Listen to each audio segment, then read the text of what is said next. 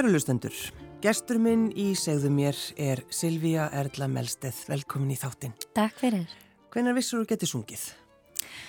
Uh, ég byrjaði að syngja saman tíma og ég fór að tala.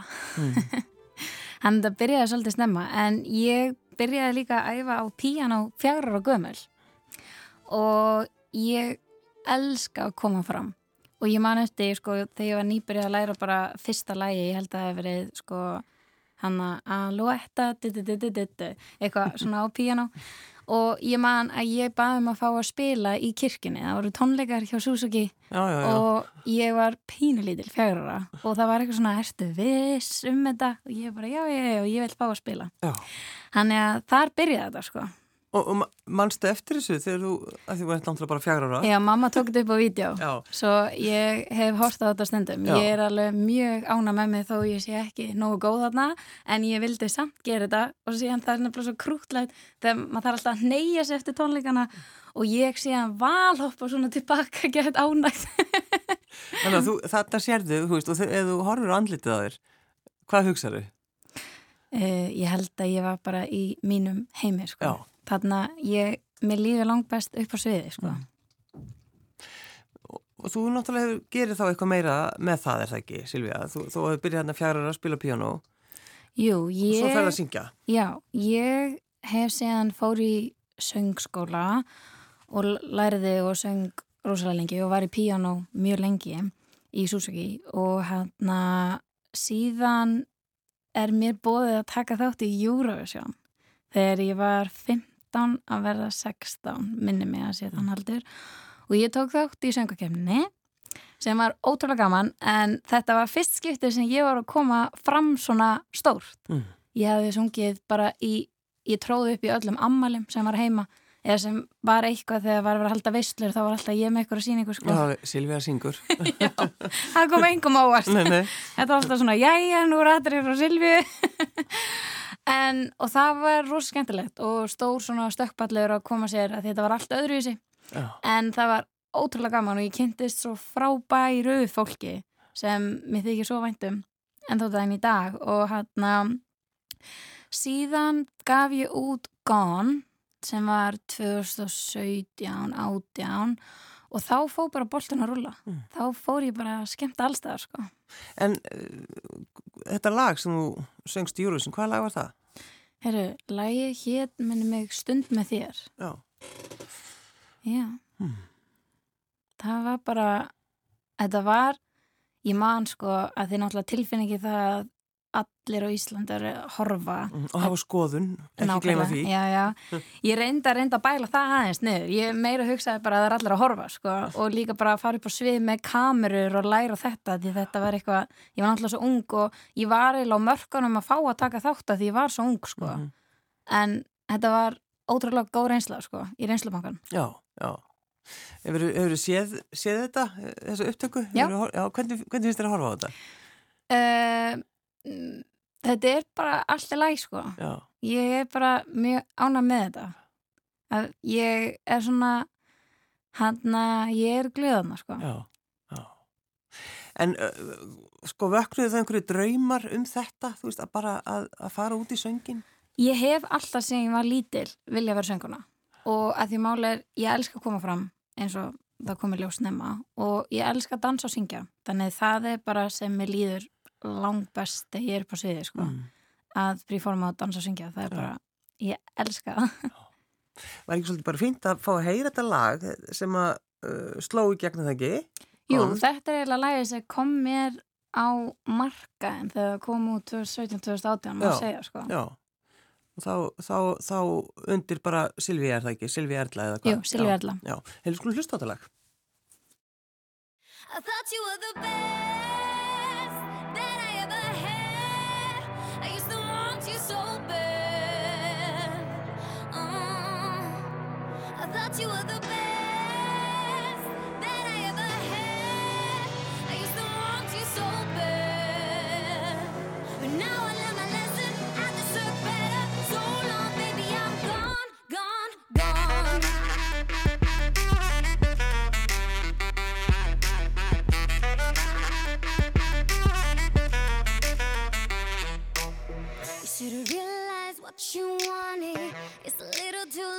for sorries. Now I'm gone.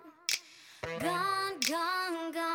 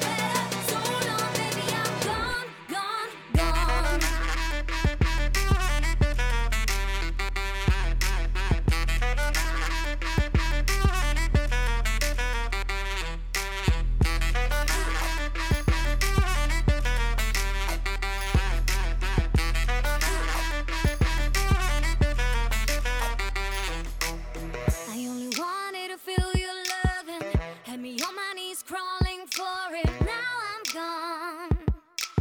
Gone, gone, gone. I ain't coming back, don't worry. Cause it's over, end of story. Now I'm gone. Gone, gone, gone. Oh, you broke all your promises. You broke me into pieces, but I'm so much stronger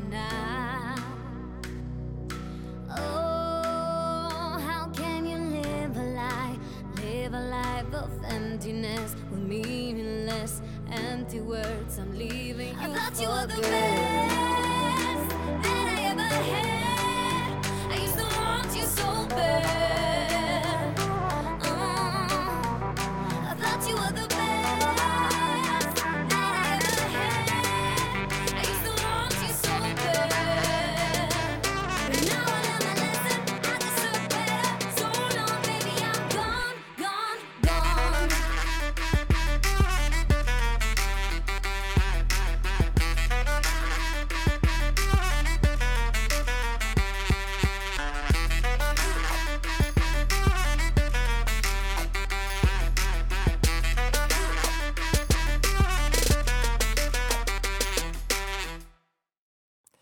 Gestur minn í segðu mér Silvíja Erla Melsteð sem var að syngja þetta lag, Gone. Varstu skrítið barn? Uh, sko, það má alveg segja það, sko. Ég var bara rosalega opinn Mm. og hafði bara mjög elskaði eins og þetta að koma fram og reyndi alltaf að finna eitthvað svið til þess að vera með atriði. Mm. og ég man sko, mamma sagði mér stundum var þetta þannig eins og umbásmarum minn í London hann kynntist mér sko fyrst þegar hann var í matabóði heima þegar ég var lítil og þá kem ég aðna í matabóðið og ég ætlaði að sína þeim atriði Já, þannig ég var svona svona krakki þannig við erum að borða. Já. Já, þannig að þú einhvern veginn sko, þú hikar ekki. Nei. Nei. Hvernig gekk, Silvíja, þegar þú uppgötar það, eða mamma þín kannski, að þú áttar upp með að lesa? Sko, ég fekk ekki mína lesblindugreiningu fyrir í endan nýjöndabækjar og það var eiginlega fjölskylduvinnur okkar sem greindi mig. Mm. Þegar hún var að lesa með mér dönsku, þá kemur, þá ringir hún í mömmu og segir bara, heyrðu, ég held að Silvja sé með lesblindu og það gæti náttúrulega vel verið að því að litli bróða minn fekk sína greiningu í þriðjabæk og hann er þreim árum yngri en ég. Já. Þannig að þetta var ekkit eitthvað nýtt fyrir okkur en þetta var alveg nýtt fyrir mömmu þegar litli bróða minn fekk greininguna sína sko Mm og síðan held ég að báðu fóreldrar minni séu lesblindir sko, þó að þau aldrei fengið greiningu en þá er þetta ekkert svona, svona þá er þetta ekkert svona, ha, eru þau lesblind að Nei, við nei. bæði séu lesblind sko En, en það er samt svolítið sko seint að fá greiningu sko í nýjöndabæk. Já, Að það fara er í það gegnum grunnskólan, sko fann, hefur, þegar þú hugsað tilbaka, þú veist, gekk þetta illa hjá þér? Gekk, var, var Sko- ekki gott að vera í skólanum? Sko, ég er ofur jákvæð manneskja Mm. þannig að ég tólkaði aldrei að mér fannst eitthvað kannski erfitt í skólanum sko, þegar ég var yngra á menn það var líka því að mamma það var svo stífur rammi í kringum okkur sko. þannig við komist aldrei upp með að ekki læra heima eða ekki lesa og ég var bara svona lalanemandi sem gerða verkum að ég flaut svona í gegnum Mm kerfið bara já. og líka ég án til þess að átta máði eins og mamma sagði við mig hún er eitthvað sérlega, þú bjóst bara til þína aðferð hans og þú fattar og væri að búið til þína aðferð að því ég tala alltaf við sjálfa mig ég var alltaf að tala upp upphátt og svona tala um hlutina og þegar ég var stundum að lesa og segjum ég skildi ekki eitthvað orð, þá bjóð ég bara til eitthvað orð Já, sem já, passaði við setninguna Já, Þannig að þetta var svona svolítið þannig og það er einmitt líka eins og þegar ég fekk Oreo á öðru ári Vestló sem er hundurum minn þá var ég alltaf að lesa fyrir hann og við nefnilega byggum til tækni sem gerði það verkum að mér fór að ganga svo miklu betur í skóla. Það var út af því að við fórum í svona hlutverkarleika, hann var nefndinn, ég var kennarinn þú ert að tala um hundin, eða ekki? Við ég- fórum í leik. Já, og ég var að kenna honum en það er nefnilega málið, mann læri svo ótrúlega mikið á því að kenna öðrum og tala um þetta og maður fær svo miklu betra og dýpri skilning og pluss það að vera að tala við eitthvað sem hefur svo mikið áhuga á bara steinum í náttúrufræði skiluru og bara farin að slefa á dillandi skottinu og bara áhugin er bara bilaslega mikið, það smittar frá sig gleðina sko. Þannig að og, þessi hundur þá það hlýðin að hann situr, eða satt með þér þegar þú varst að læra. Hann, ég fekk hann að öðru í Vestló og hann hefur bara alist uppi það að sita á borðinu mínu og læra með mér. Já, Það er nefnilega bara málið, sko. það er svolítið gott. Hann er indislegur. Máttur þú taka með þér í prófin? Sko, ég fengi þessa spurningu. Það hefði verið mjög gott, en ég fekk prófum mín upplesin Já, einmitt. sem gerði það líka verkum að mér fór allir að ganga betur í prófum. Mm. Af því að þá allir fór ég að lesa spurningana rétt. Já, einmitt. Var það þá í, í, í Versló, Já, já. akkurat. Nefnilega sko, þegar ég, draumurum minn var alltaf farin í Vestló. Það var bara draumurum minn út af einu aðri út af Nemo. Og eins og kom fram í myndinni Lesblinda sem kom út, þá hana, fór ég í Vestló bara út af Nemo. Ég var fjögur á í Vestló. Ég tók aldrei þátt í Nemo. En það er bara því ég þurfti að velja að hafna. Ef ég hefði tekið þátt, að þetta er rosa tímafrægt, þá hefði bara fallið á skólanum. Já, Skólinn var gríðarlega erfiður í byrjun og ég man sko fyrsta árið þá var ég bara með mig, ég geti þetta ekki, þetta er allt og erfitt fyrir mig sko, en mamma var bara, heyrðu, minnan mun skila sér sérlega, halda áfram, bara ekki gefast upp, halda áfram. Og ég var fann að handi póka, ég var búin að pröfa að fara í dáleyslu, ég veit ekki hvað ég var ekki búin að pröfa til þess að reyna að því að sama hvað ég lærði, sama hvað ég gerði þó ég lærði 6 á mátna til 12 á kvölds, þá var ekkert að skila sér. Og þetta er ótrúlega leiðilegt þú ert alltaf að gera þetta besta og það er ekkert að gerast. Mm. þetta er eins og þú veist eins og mann pælir í því eins og fyrir fólk sem er í fótballa til dæmis. Þú ert fyrstur á allar æfingar þú ert síðastur af öllum æfingum þú ert alltaf á aukaæfingum, þú passa matræð på tíu þú ert að æfa aukala en þú ert alltaf á bekknum. Já, þú færð ekki sjans að fara inn á. Þetta Nei. er, þetta er þetta, er sko, þetta tekur svo mikið á heilan og þetta tekur svo mikið á svona sjálfsmyndina að þú verður að vera með sterkan hug og hugsa bara, ok, ég er að vinna að langtíma markmiði ekki bara skamtíma markmiði að fara beint skilur, heldur, þannig að já, En þú lítur að vera sko mjög uh, sko þroskaður einstaklingur. Þú er svona eins og þú veist að takast á við þetta þegar maður er bara að byrja í mentaskóla þá vil maður kannski bara frekar heyrði ég bara slepp þessu já, ég tók þessu sko bara, hugsaði freka bara, ok, draumurum minn var að fara í Vestló ég ætlaði ekki að bara hætti skólanum minn og gefast upp á því sko. Nei. og ég var komin inn þó að draumurum minn var að taka þátt í Nemo í Vestló þá hugsaði bara okkur, ég komin inn í skólan og ég ætla bara að gera hann vel, ég ætla bara að leggja 100% á mig að ég hugsa alltaf, ok ef maður leggur 100% á sig í ykkur sem manni finnst ekki voðalega skemmtilegt að ég, ég veit ekki henni, mér skóla ekki skemmtilegur þá mun ég leggja 1000% á mig í ykkur sem ég finnst rosalega skemmtilegt mm. þannig að þú lærir að leggja á þig. Og það er einmitt sem ég er að segja við krakkana þegar ég er að halda fyrirlestur um lesblindu í grunnskólanum þá er ég að, einmitt að segja við krakkana það er svo ótrúlega gott að kunna leggja á sig og líka kunna leggja á sig í því sem manni finnst ekki nógu skemmtilegt. En þá eru sem svo margir hlutir ekkert mál nei, nei. þegar maður er búin að fara í gegnum þetta. Og þetta mun hjálpa, hjálpa manni þegar maður er orðin fullorðin Já, það það ekki? náttúrulega já.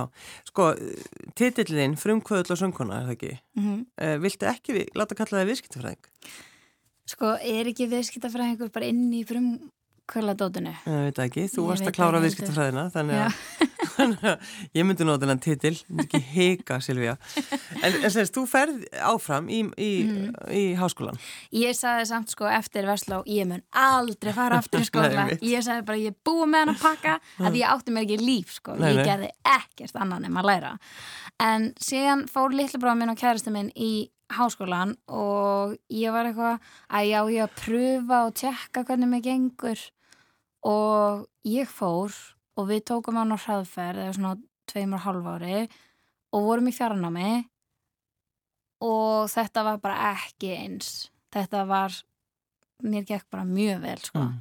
en prófið mín voru flest öll munleg þetta munurinn á til dæmis grunnskóla nei, hérna, mentskóla og háskóla Mhm. er að ég náttúrulega það er sterkari hliðin mín að vera í munlegu prófum heldur en að vera í skrifulegum af því að þá er ég ekki að pæli um hvað var eftir bókin og það ég er að pæli er ég að skrifa þetta rétt Mhm. og Já, er einhver að fara að skilja sem ég er að skrifa Já, akkurat. Þannig að það er miklu betra að einmitt að bara geta sagt frá þessu. og líka Já. bara eins og þú veist skólinn í okkur hann að háskólan byrjast alveg geggjaða skóli ég, þau er mitt leggja svo mikið upp úr í að það sem þú ert að svara í prófunum að þú sýnir skilning. Já, ekki að þú ert bara að páagögga og taka sama dæma kennaran, kennarin heldur að þú kemur með eitthvað hvernig myndir þú nota þetta í þínu lífi? Já, mér finnst það svo frábært að þá færðu svona miklu svona víðari þekkingu og skilur þetta miklu betur og þú manst það að því þú ert að tengja þetta eigi líf. Uh, segðu okkur aðeins frá þessu forriti sem þú ert að vinna við, Silja. Heyrðu já, út frá hérna fyrirlestunum mínum sem ég er búin að, þetta byrjaði allt náttúrulega bara áður henni lésbildumyndin var gerð þegar ég var 17 ára þá kom mamma með eina hugmynd og hún sagði við mig sérlega að það væri svo frábært ef það væri hægt að skipta á krökkum í bæjarfélagum að því að fóreldrar þú veist það er ekki að ættast til að allir fóreldrar séu bara góðir í öllu í skólanum bara starffræði íslensku og ég veit ekki hvað og hvað. Að því mamma gæti hjálpa okkur með sögu og íslenskunni en starffræðin það hefur verið svo gott að það var hægt að skipta skilur á ykkur er góður þessu og hinn er góður þessu. Og þetta fóð bara svona eitthvað baku eira, við vorum að pæli að búa til eitthvað síðu fyrir bæjarfélagi því við byggum í svona litlu bæjarfélagi og allir þekkjast. Um, en síðan fór það bara baku eirað myndin kom síðan út. Síðan bara vaknaði ég í COVID-inu eina nóttuna og ég var bara mamma ef eitthvað tíman er tími til þess að gera þetta þá er það núna? Mm. því þá fór ég bara að tala við fólk bæði erlendis og hérna heima um bara hvernig krakkun líður og við vorum að sjá að krakkar voru að datta aftur úr og hvað þá krakkar sem eiga skilur í erfileikum með skóla, bara lesblindu eða aðeglisprest, þau sitt ekki heima hjá sér kolsveitt að reyna að læra þetta eins sko. Og ég skil líka alveg á þessum tíma, það voru allir að gera sitt besta og auðvitað, það vissi enginn að þetta var að fara að gerast og ég held að það hefði ekki verið hægt að gera þetta betur að gerðu þannig bara var það. Og en kennarinn fekk kannski 212 tölvuposta um eitthvað skilu, hann gæti ekki farið yfir þetta allt og svara þessu eins og þetta krakkin væri í tímanum að aðstofa, þannig ég skil þetta bara ótrúlega mikið ála á alla sko. þannig að ég hugsaði bara, heyrðu það væri svo frábært að það væri til forrið sem myndi akkurat koma á móts við þá sem þurfa þessu auka aðstof að því að í hann fyrirlestarherfinu minni þá talaði líka við kennara og svoleiðis og vá kennarar ég skil svo mikið hvað kennarar að meina með að þeir séu orðinni svolítið bugaðir. Við erum að tala um það að kannski einn kennari það eru 109 tungumál töluð í grunnskólum á Íslandi. Ég var að sjá grein um það. Og við erum að tala um að það er alltaf einhverju með einhverja greiningar. Hvernig á einn kennari að geta aðstóða alla að því hann vill aðstóða alla eins mikið og hann getur skilur en ef við erum með 25 manns þetta er rosalega erfitt, þessi jafna gengur ekki alveg upp sko. Og þau voru um að segja við mig líka að það hefur allir stil sko að kennarar séu líka að kenna krökkum að reyma. Þannig ábyrðin er farin svolítið frá Já. fóreldurum á kennara Þessi umræði náttúrulega, hún er svo skemmtileg nefnilega því það er eins og bara fóreldra, þú veist, ætlast til þess. Já, og þá einhvern veginn skilja að kennara séu svolítið svona okkur, wow, hvernig eigum við bara að kenna þeim allt, hvernig eigum við að að gera þetta, sko. Þannig að, en það er líka góð að vita, við með myndina og allt það, hvernig kom út þegar við vorum að tala um skólakerfið og allt í myndinni, Mhm. það kom mér svo óvart og mér þykir svo ótrúlega vænt um það, hvað kennarar tók henni vel. Og líka bara sumi kennarar segja við mig, hvað get ég gert betur og ég var bara svona bá, ég gæti fara að tárast yfir þess að ég var bara, þetta eru alvöru kennarar sem halda ekki að þau vita allt og geta allt skilu, heldur bara, maður er alltaf eitthvað að læra og ég var bara, er þetta ekki að grínast hvað mér þótti vænt um þetta Alveg, þetta spyrja mig. og hérna, síðan hérna Já, þú vaknar hann um nóttina. já, akkurat ég vaknaði þarna nóttina og ég hugsaði bara heyrðu, ef eitthvað tíman maður á að gera þetta þá er þetta núna, af því að skilabóðin sem ég, þegar ég var að tala við krakkana um lesblindu og áhugin þeirra á lesblindu, þó ég var að tala við krakk sem voru ekki eins og með lesblindu þau hefðu mjög mikinn áhuga á þessu sem er alveg frábært og krakkarnir voru svo kurtisir og stundum var ég sko með 500 nefnendur og þau voru rétti pönd og spurja og höfðu mjög mikið áhuga á þessu. En síðan fekk ég skilabóðin og þetta eru skilabóðin sem ekki á sannlega bara bruti mér hjartað að því ég hafði ekki neitt svar. Og það var akkurat þetta. Hvað ef ég á ekki foreldri sem getur aðstofað mig eða ég á ekki hund sem ég get lesið fyrir og skólinn er ekki að grípa mig? Hver get ég leitað? Þarna satt ég upp með spurningu sem ég get ekki eins og svara því að eitthvað af þessu, kannski ekki hundurinn en þú veist, fóreldrin eða skólinn ætti að vera eitt af því sem ætti að grípa krakkan og hvað þá? Veist, mér finnst þetta bara ekki sangjant að krakkar ef þau fæðast með lesblöndið aðhalspresta og það skiptir ekki máli hvaða er, við þurfum öll eitthvað tíman aðstóð að þau bara setja eftir í skólakjörnunu og upplifa kannski sína skólagöngu að þau séu vittlaus að því þau skilji ekki en bara það að því það er kannski ekki að vera segja þeim að láta þau vita af skilju það er alltaf læg þó að þú sérst ekki að lesa já pratt og aðrir. Það er alltaf læg, þú hefur aðra styrkleika, við erum öll mismunandi og við pössum ekkert öll í þetta bóks sem skólakerfið er. Og það bara er hann og það er alltaf læg en það þýðir ekki að líf þitt mun ekki vera gott sko, það er ekkert sama sem merki á einhvernunæðinar í skólanum og hvort að þú myndi hafa gott líf sko. Og ef eitthvað er þá erum við að tala um að flestir frumkvölar í heiminum eru alltaf með gráðu sko. Þeir eru sjálf lærðir mm -hmm. að því þeir hafa þurft að fara allt aðra leið og hafa bara lært þetta sjálfur og eru náttúrulega með fullt að öðru fólki því náttúrulega maður gera aldrei neitt eitt sko maður er náttúrulega með hér á baku sig sko að góðu fólki en þarna sæti ég upp með spurningu og ég hugsaði bara og ég sagði mömmu, ég sagði bara þetta, hvað með þetta þú veist, ef krakkanir hafi ekki þetta bakland hvað þá? Er það bara þá, bara stopp? Þú veist, er það bara engi staðu til þess að leita? Erum við bara að vera þar og sætt okkur við þetta? Heldur betur ekki, allan ekki ég.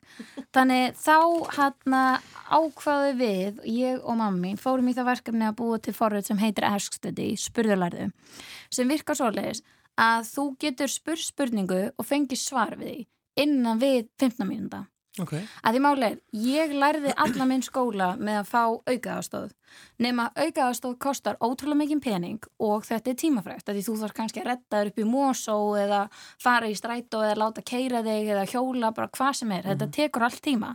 Þarna ferðu bara svar eftir smástönd og planið okkar er nefnilega að virkja samfélagi að því að við sem samfélag getum gerst svo ótrúlega marga hluti og við getum aðstóðað og líka það, við getum ekki alltaf allast til bara að ríki breytur sér, svo við erum öll alltaf að tala um skólakerfi og vá hvað allir hafa skoðan á skólakerfinu sem ég skil að við erum öll partur af því, skilju en hvað ætlum við að gera því?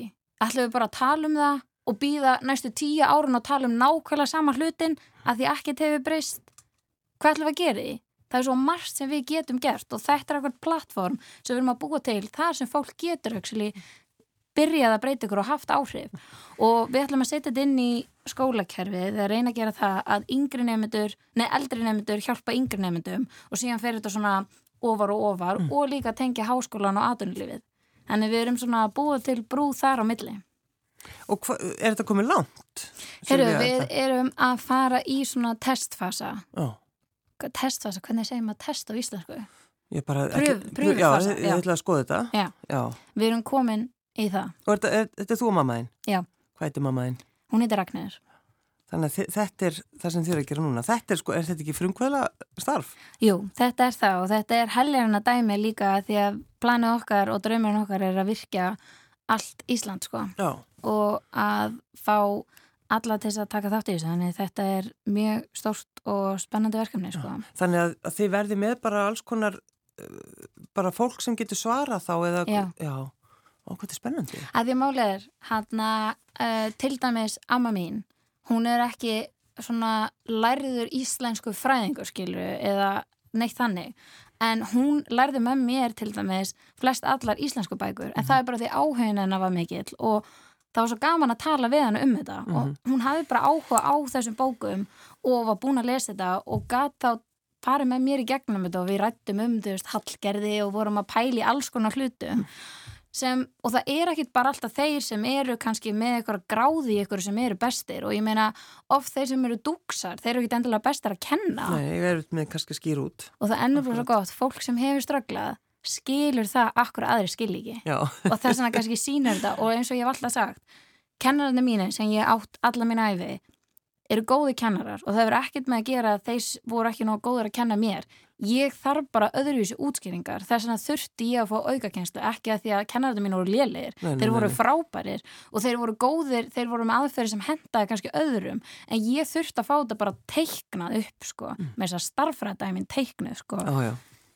Þú komst með hérna skýslu, Já, Silvía. Þetta, þetta er það sem þú komst með hérna í þetta viðtal. já, það er nefnilega. Já, það er sko, hérna það kom skýsla út núna sem heitir félagslegt og efnarslega staða og brottkvarf á íslenskum framhalskólum. Já, Það er verið að tala um, sko það sem ég stoppaði við var, það er myndirna Mm. sem sýnir hlutfall fólks á aldrinum 20-24 sem að aðeins loki grunnskólanámi í Evrópu.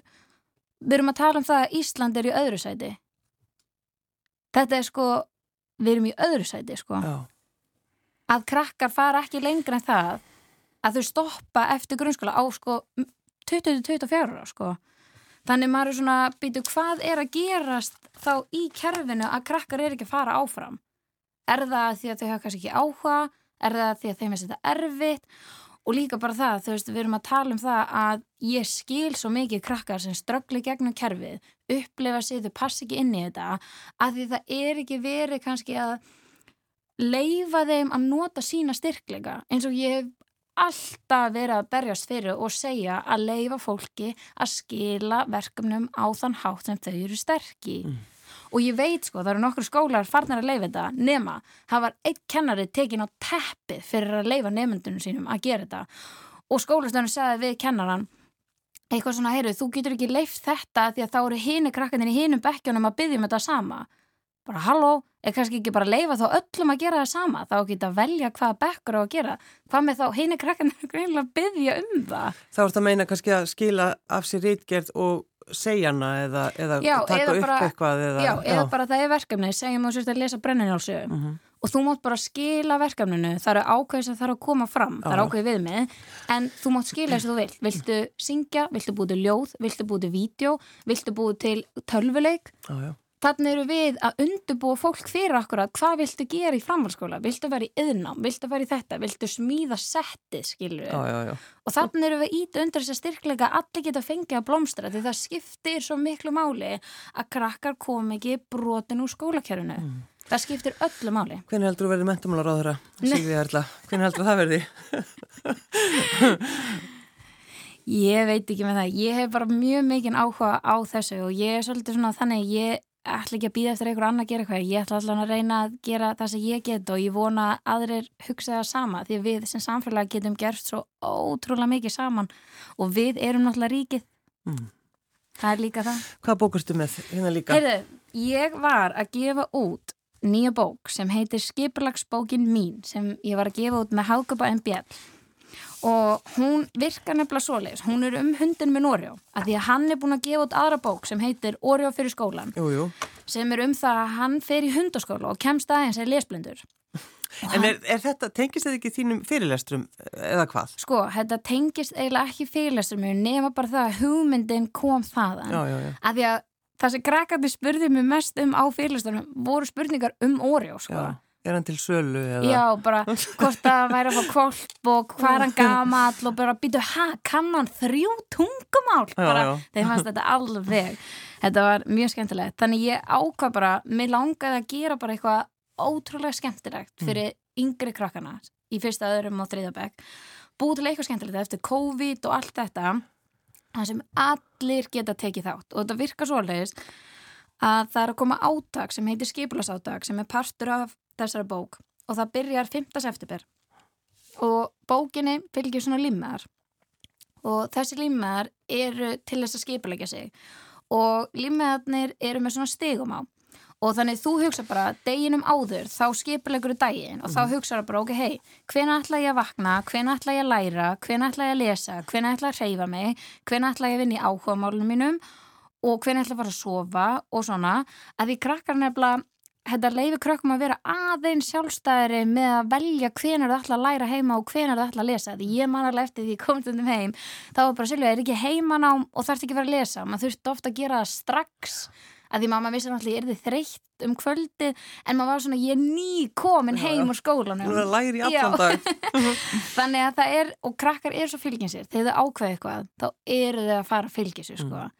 Og síðan er hægt að næla sér í sko aukastig sem virkar svoleiðis að stíin eru eins og að þú varst jákvæður, að þú hrósaði sjálfur, að þú hjálpaði til heima og plús það þá vildi orði að gefa aukastig fyrir minni skjánótkun Já, að því hann er stundum með mér í gungtúrum og við erum stundum að horfa við leikvöllin og hann skilur ekki akkur það er ekki krakkar hann til þess að leika við hann. Þannig að hann ætlar að gefa auka stig fyrir minni skjánótkun þá kannski hittir hann krakkan á leikvöllinum til þess að leika við hann og síðan þegar þú ferði yfir daginn næsta dag, að því þú skipulegur alltaf deginum áður, segjum bara næsta dag ferði yfir þetta, situr inn stígin og segjum að dagan fór ekkit eins og þú ætlaðir að plana hann, skilur að bara þú last ekki klukkan fjögur og þú last klukkan 20 og svo leiðis já, bara svona eins og gerist. Já, ef Já, hann fer þannig Já. þá færðu skiluru núlstig Mhm. fyrir að fylgja ekki því sem þú ætlaðir að fylgja þér en þú, og síðan dregur inn stígin og reikna síðan niður stígin en málið er, það er alltaf lægi þó að eitthvað breytist. Maður á ekki að láta það draga sér niður en eitt svoleiðis, maður bara gerir betur næst og maður fer þá bara frekar eftir þessu næsta dag. Þetta snýst bara um að hafa gaman að þessu, vera með taka þátt, þetta snýst ekki um að vinna og maður er bara að keppa við sjálfa sig.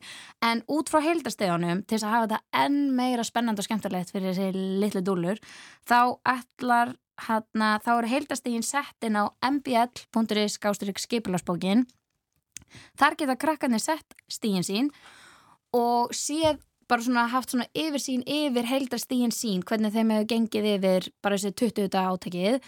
En nefnilega eftir 20 daga munum við krýna hvaða skóli skipilast skólinn. Já, já, hvaða já, skóli það er sem er krakkanir sem eru mest að taka þátt í hvaða skóla Mm. og þá munu þau fá verðlun og svona skemmtilegt. Aðeins að lokum, Silvi, áðun ég sendi út í daginn, það er uh, heimildamyndin um lesblindu sem er hérna inn, hjá, í sarp, sarpinum hjá okkur Mhm. og vakti mikla aðtegli. Er hún ekki tilnæmt núna eða hvað? Jú, tilnæmtileitunar Já, Bókin er aðgengileg og til í Hákaup Mm. og hákaup.is en sko, þú samtir, eða semst syngur það ekki í heimildamyndin, hún náttúrulega talar, það eru Mhm. mjög margir búin að sjá þessa myndu þetta og hún er ennþá að inni fyrir þá sem vilja sjá hana. Uh, loka lagið okkar, segðu okkur hans frá því. Heyrðu, lokalagið heitir My Party og þetta er titillag myndarinnar lesblinda og hann að Pálmi gerði lagið með mér og þetta er um svona að bara njóta lífsins og þó að þú fyttar ekki í bóksið að það er alltaf lagið þá bara fer ég út fyrir og þetta er bara um það að hafa Mm. gaman og bara fylgja sínu og finna sína styrkleika. Já, og vinni ertu komið með aðra hugmynd að heimildamynd? Að þessi gekk nú svo vel, sem við Já, alltaf. ég er komið með aðra hugmynd og hugmynd að kvikmynd sem ég langar að gera sko. Já, Þannig, þetta er svona ef þú kemur það bara næsta ári. Silvíja Erla Melsteð, uh, frumkvöðull og sönguna. Takk fyrir að koma. takk fyrir mig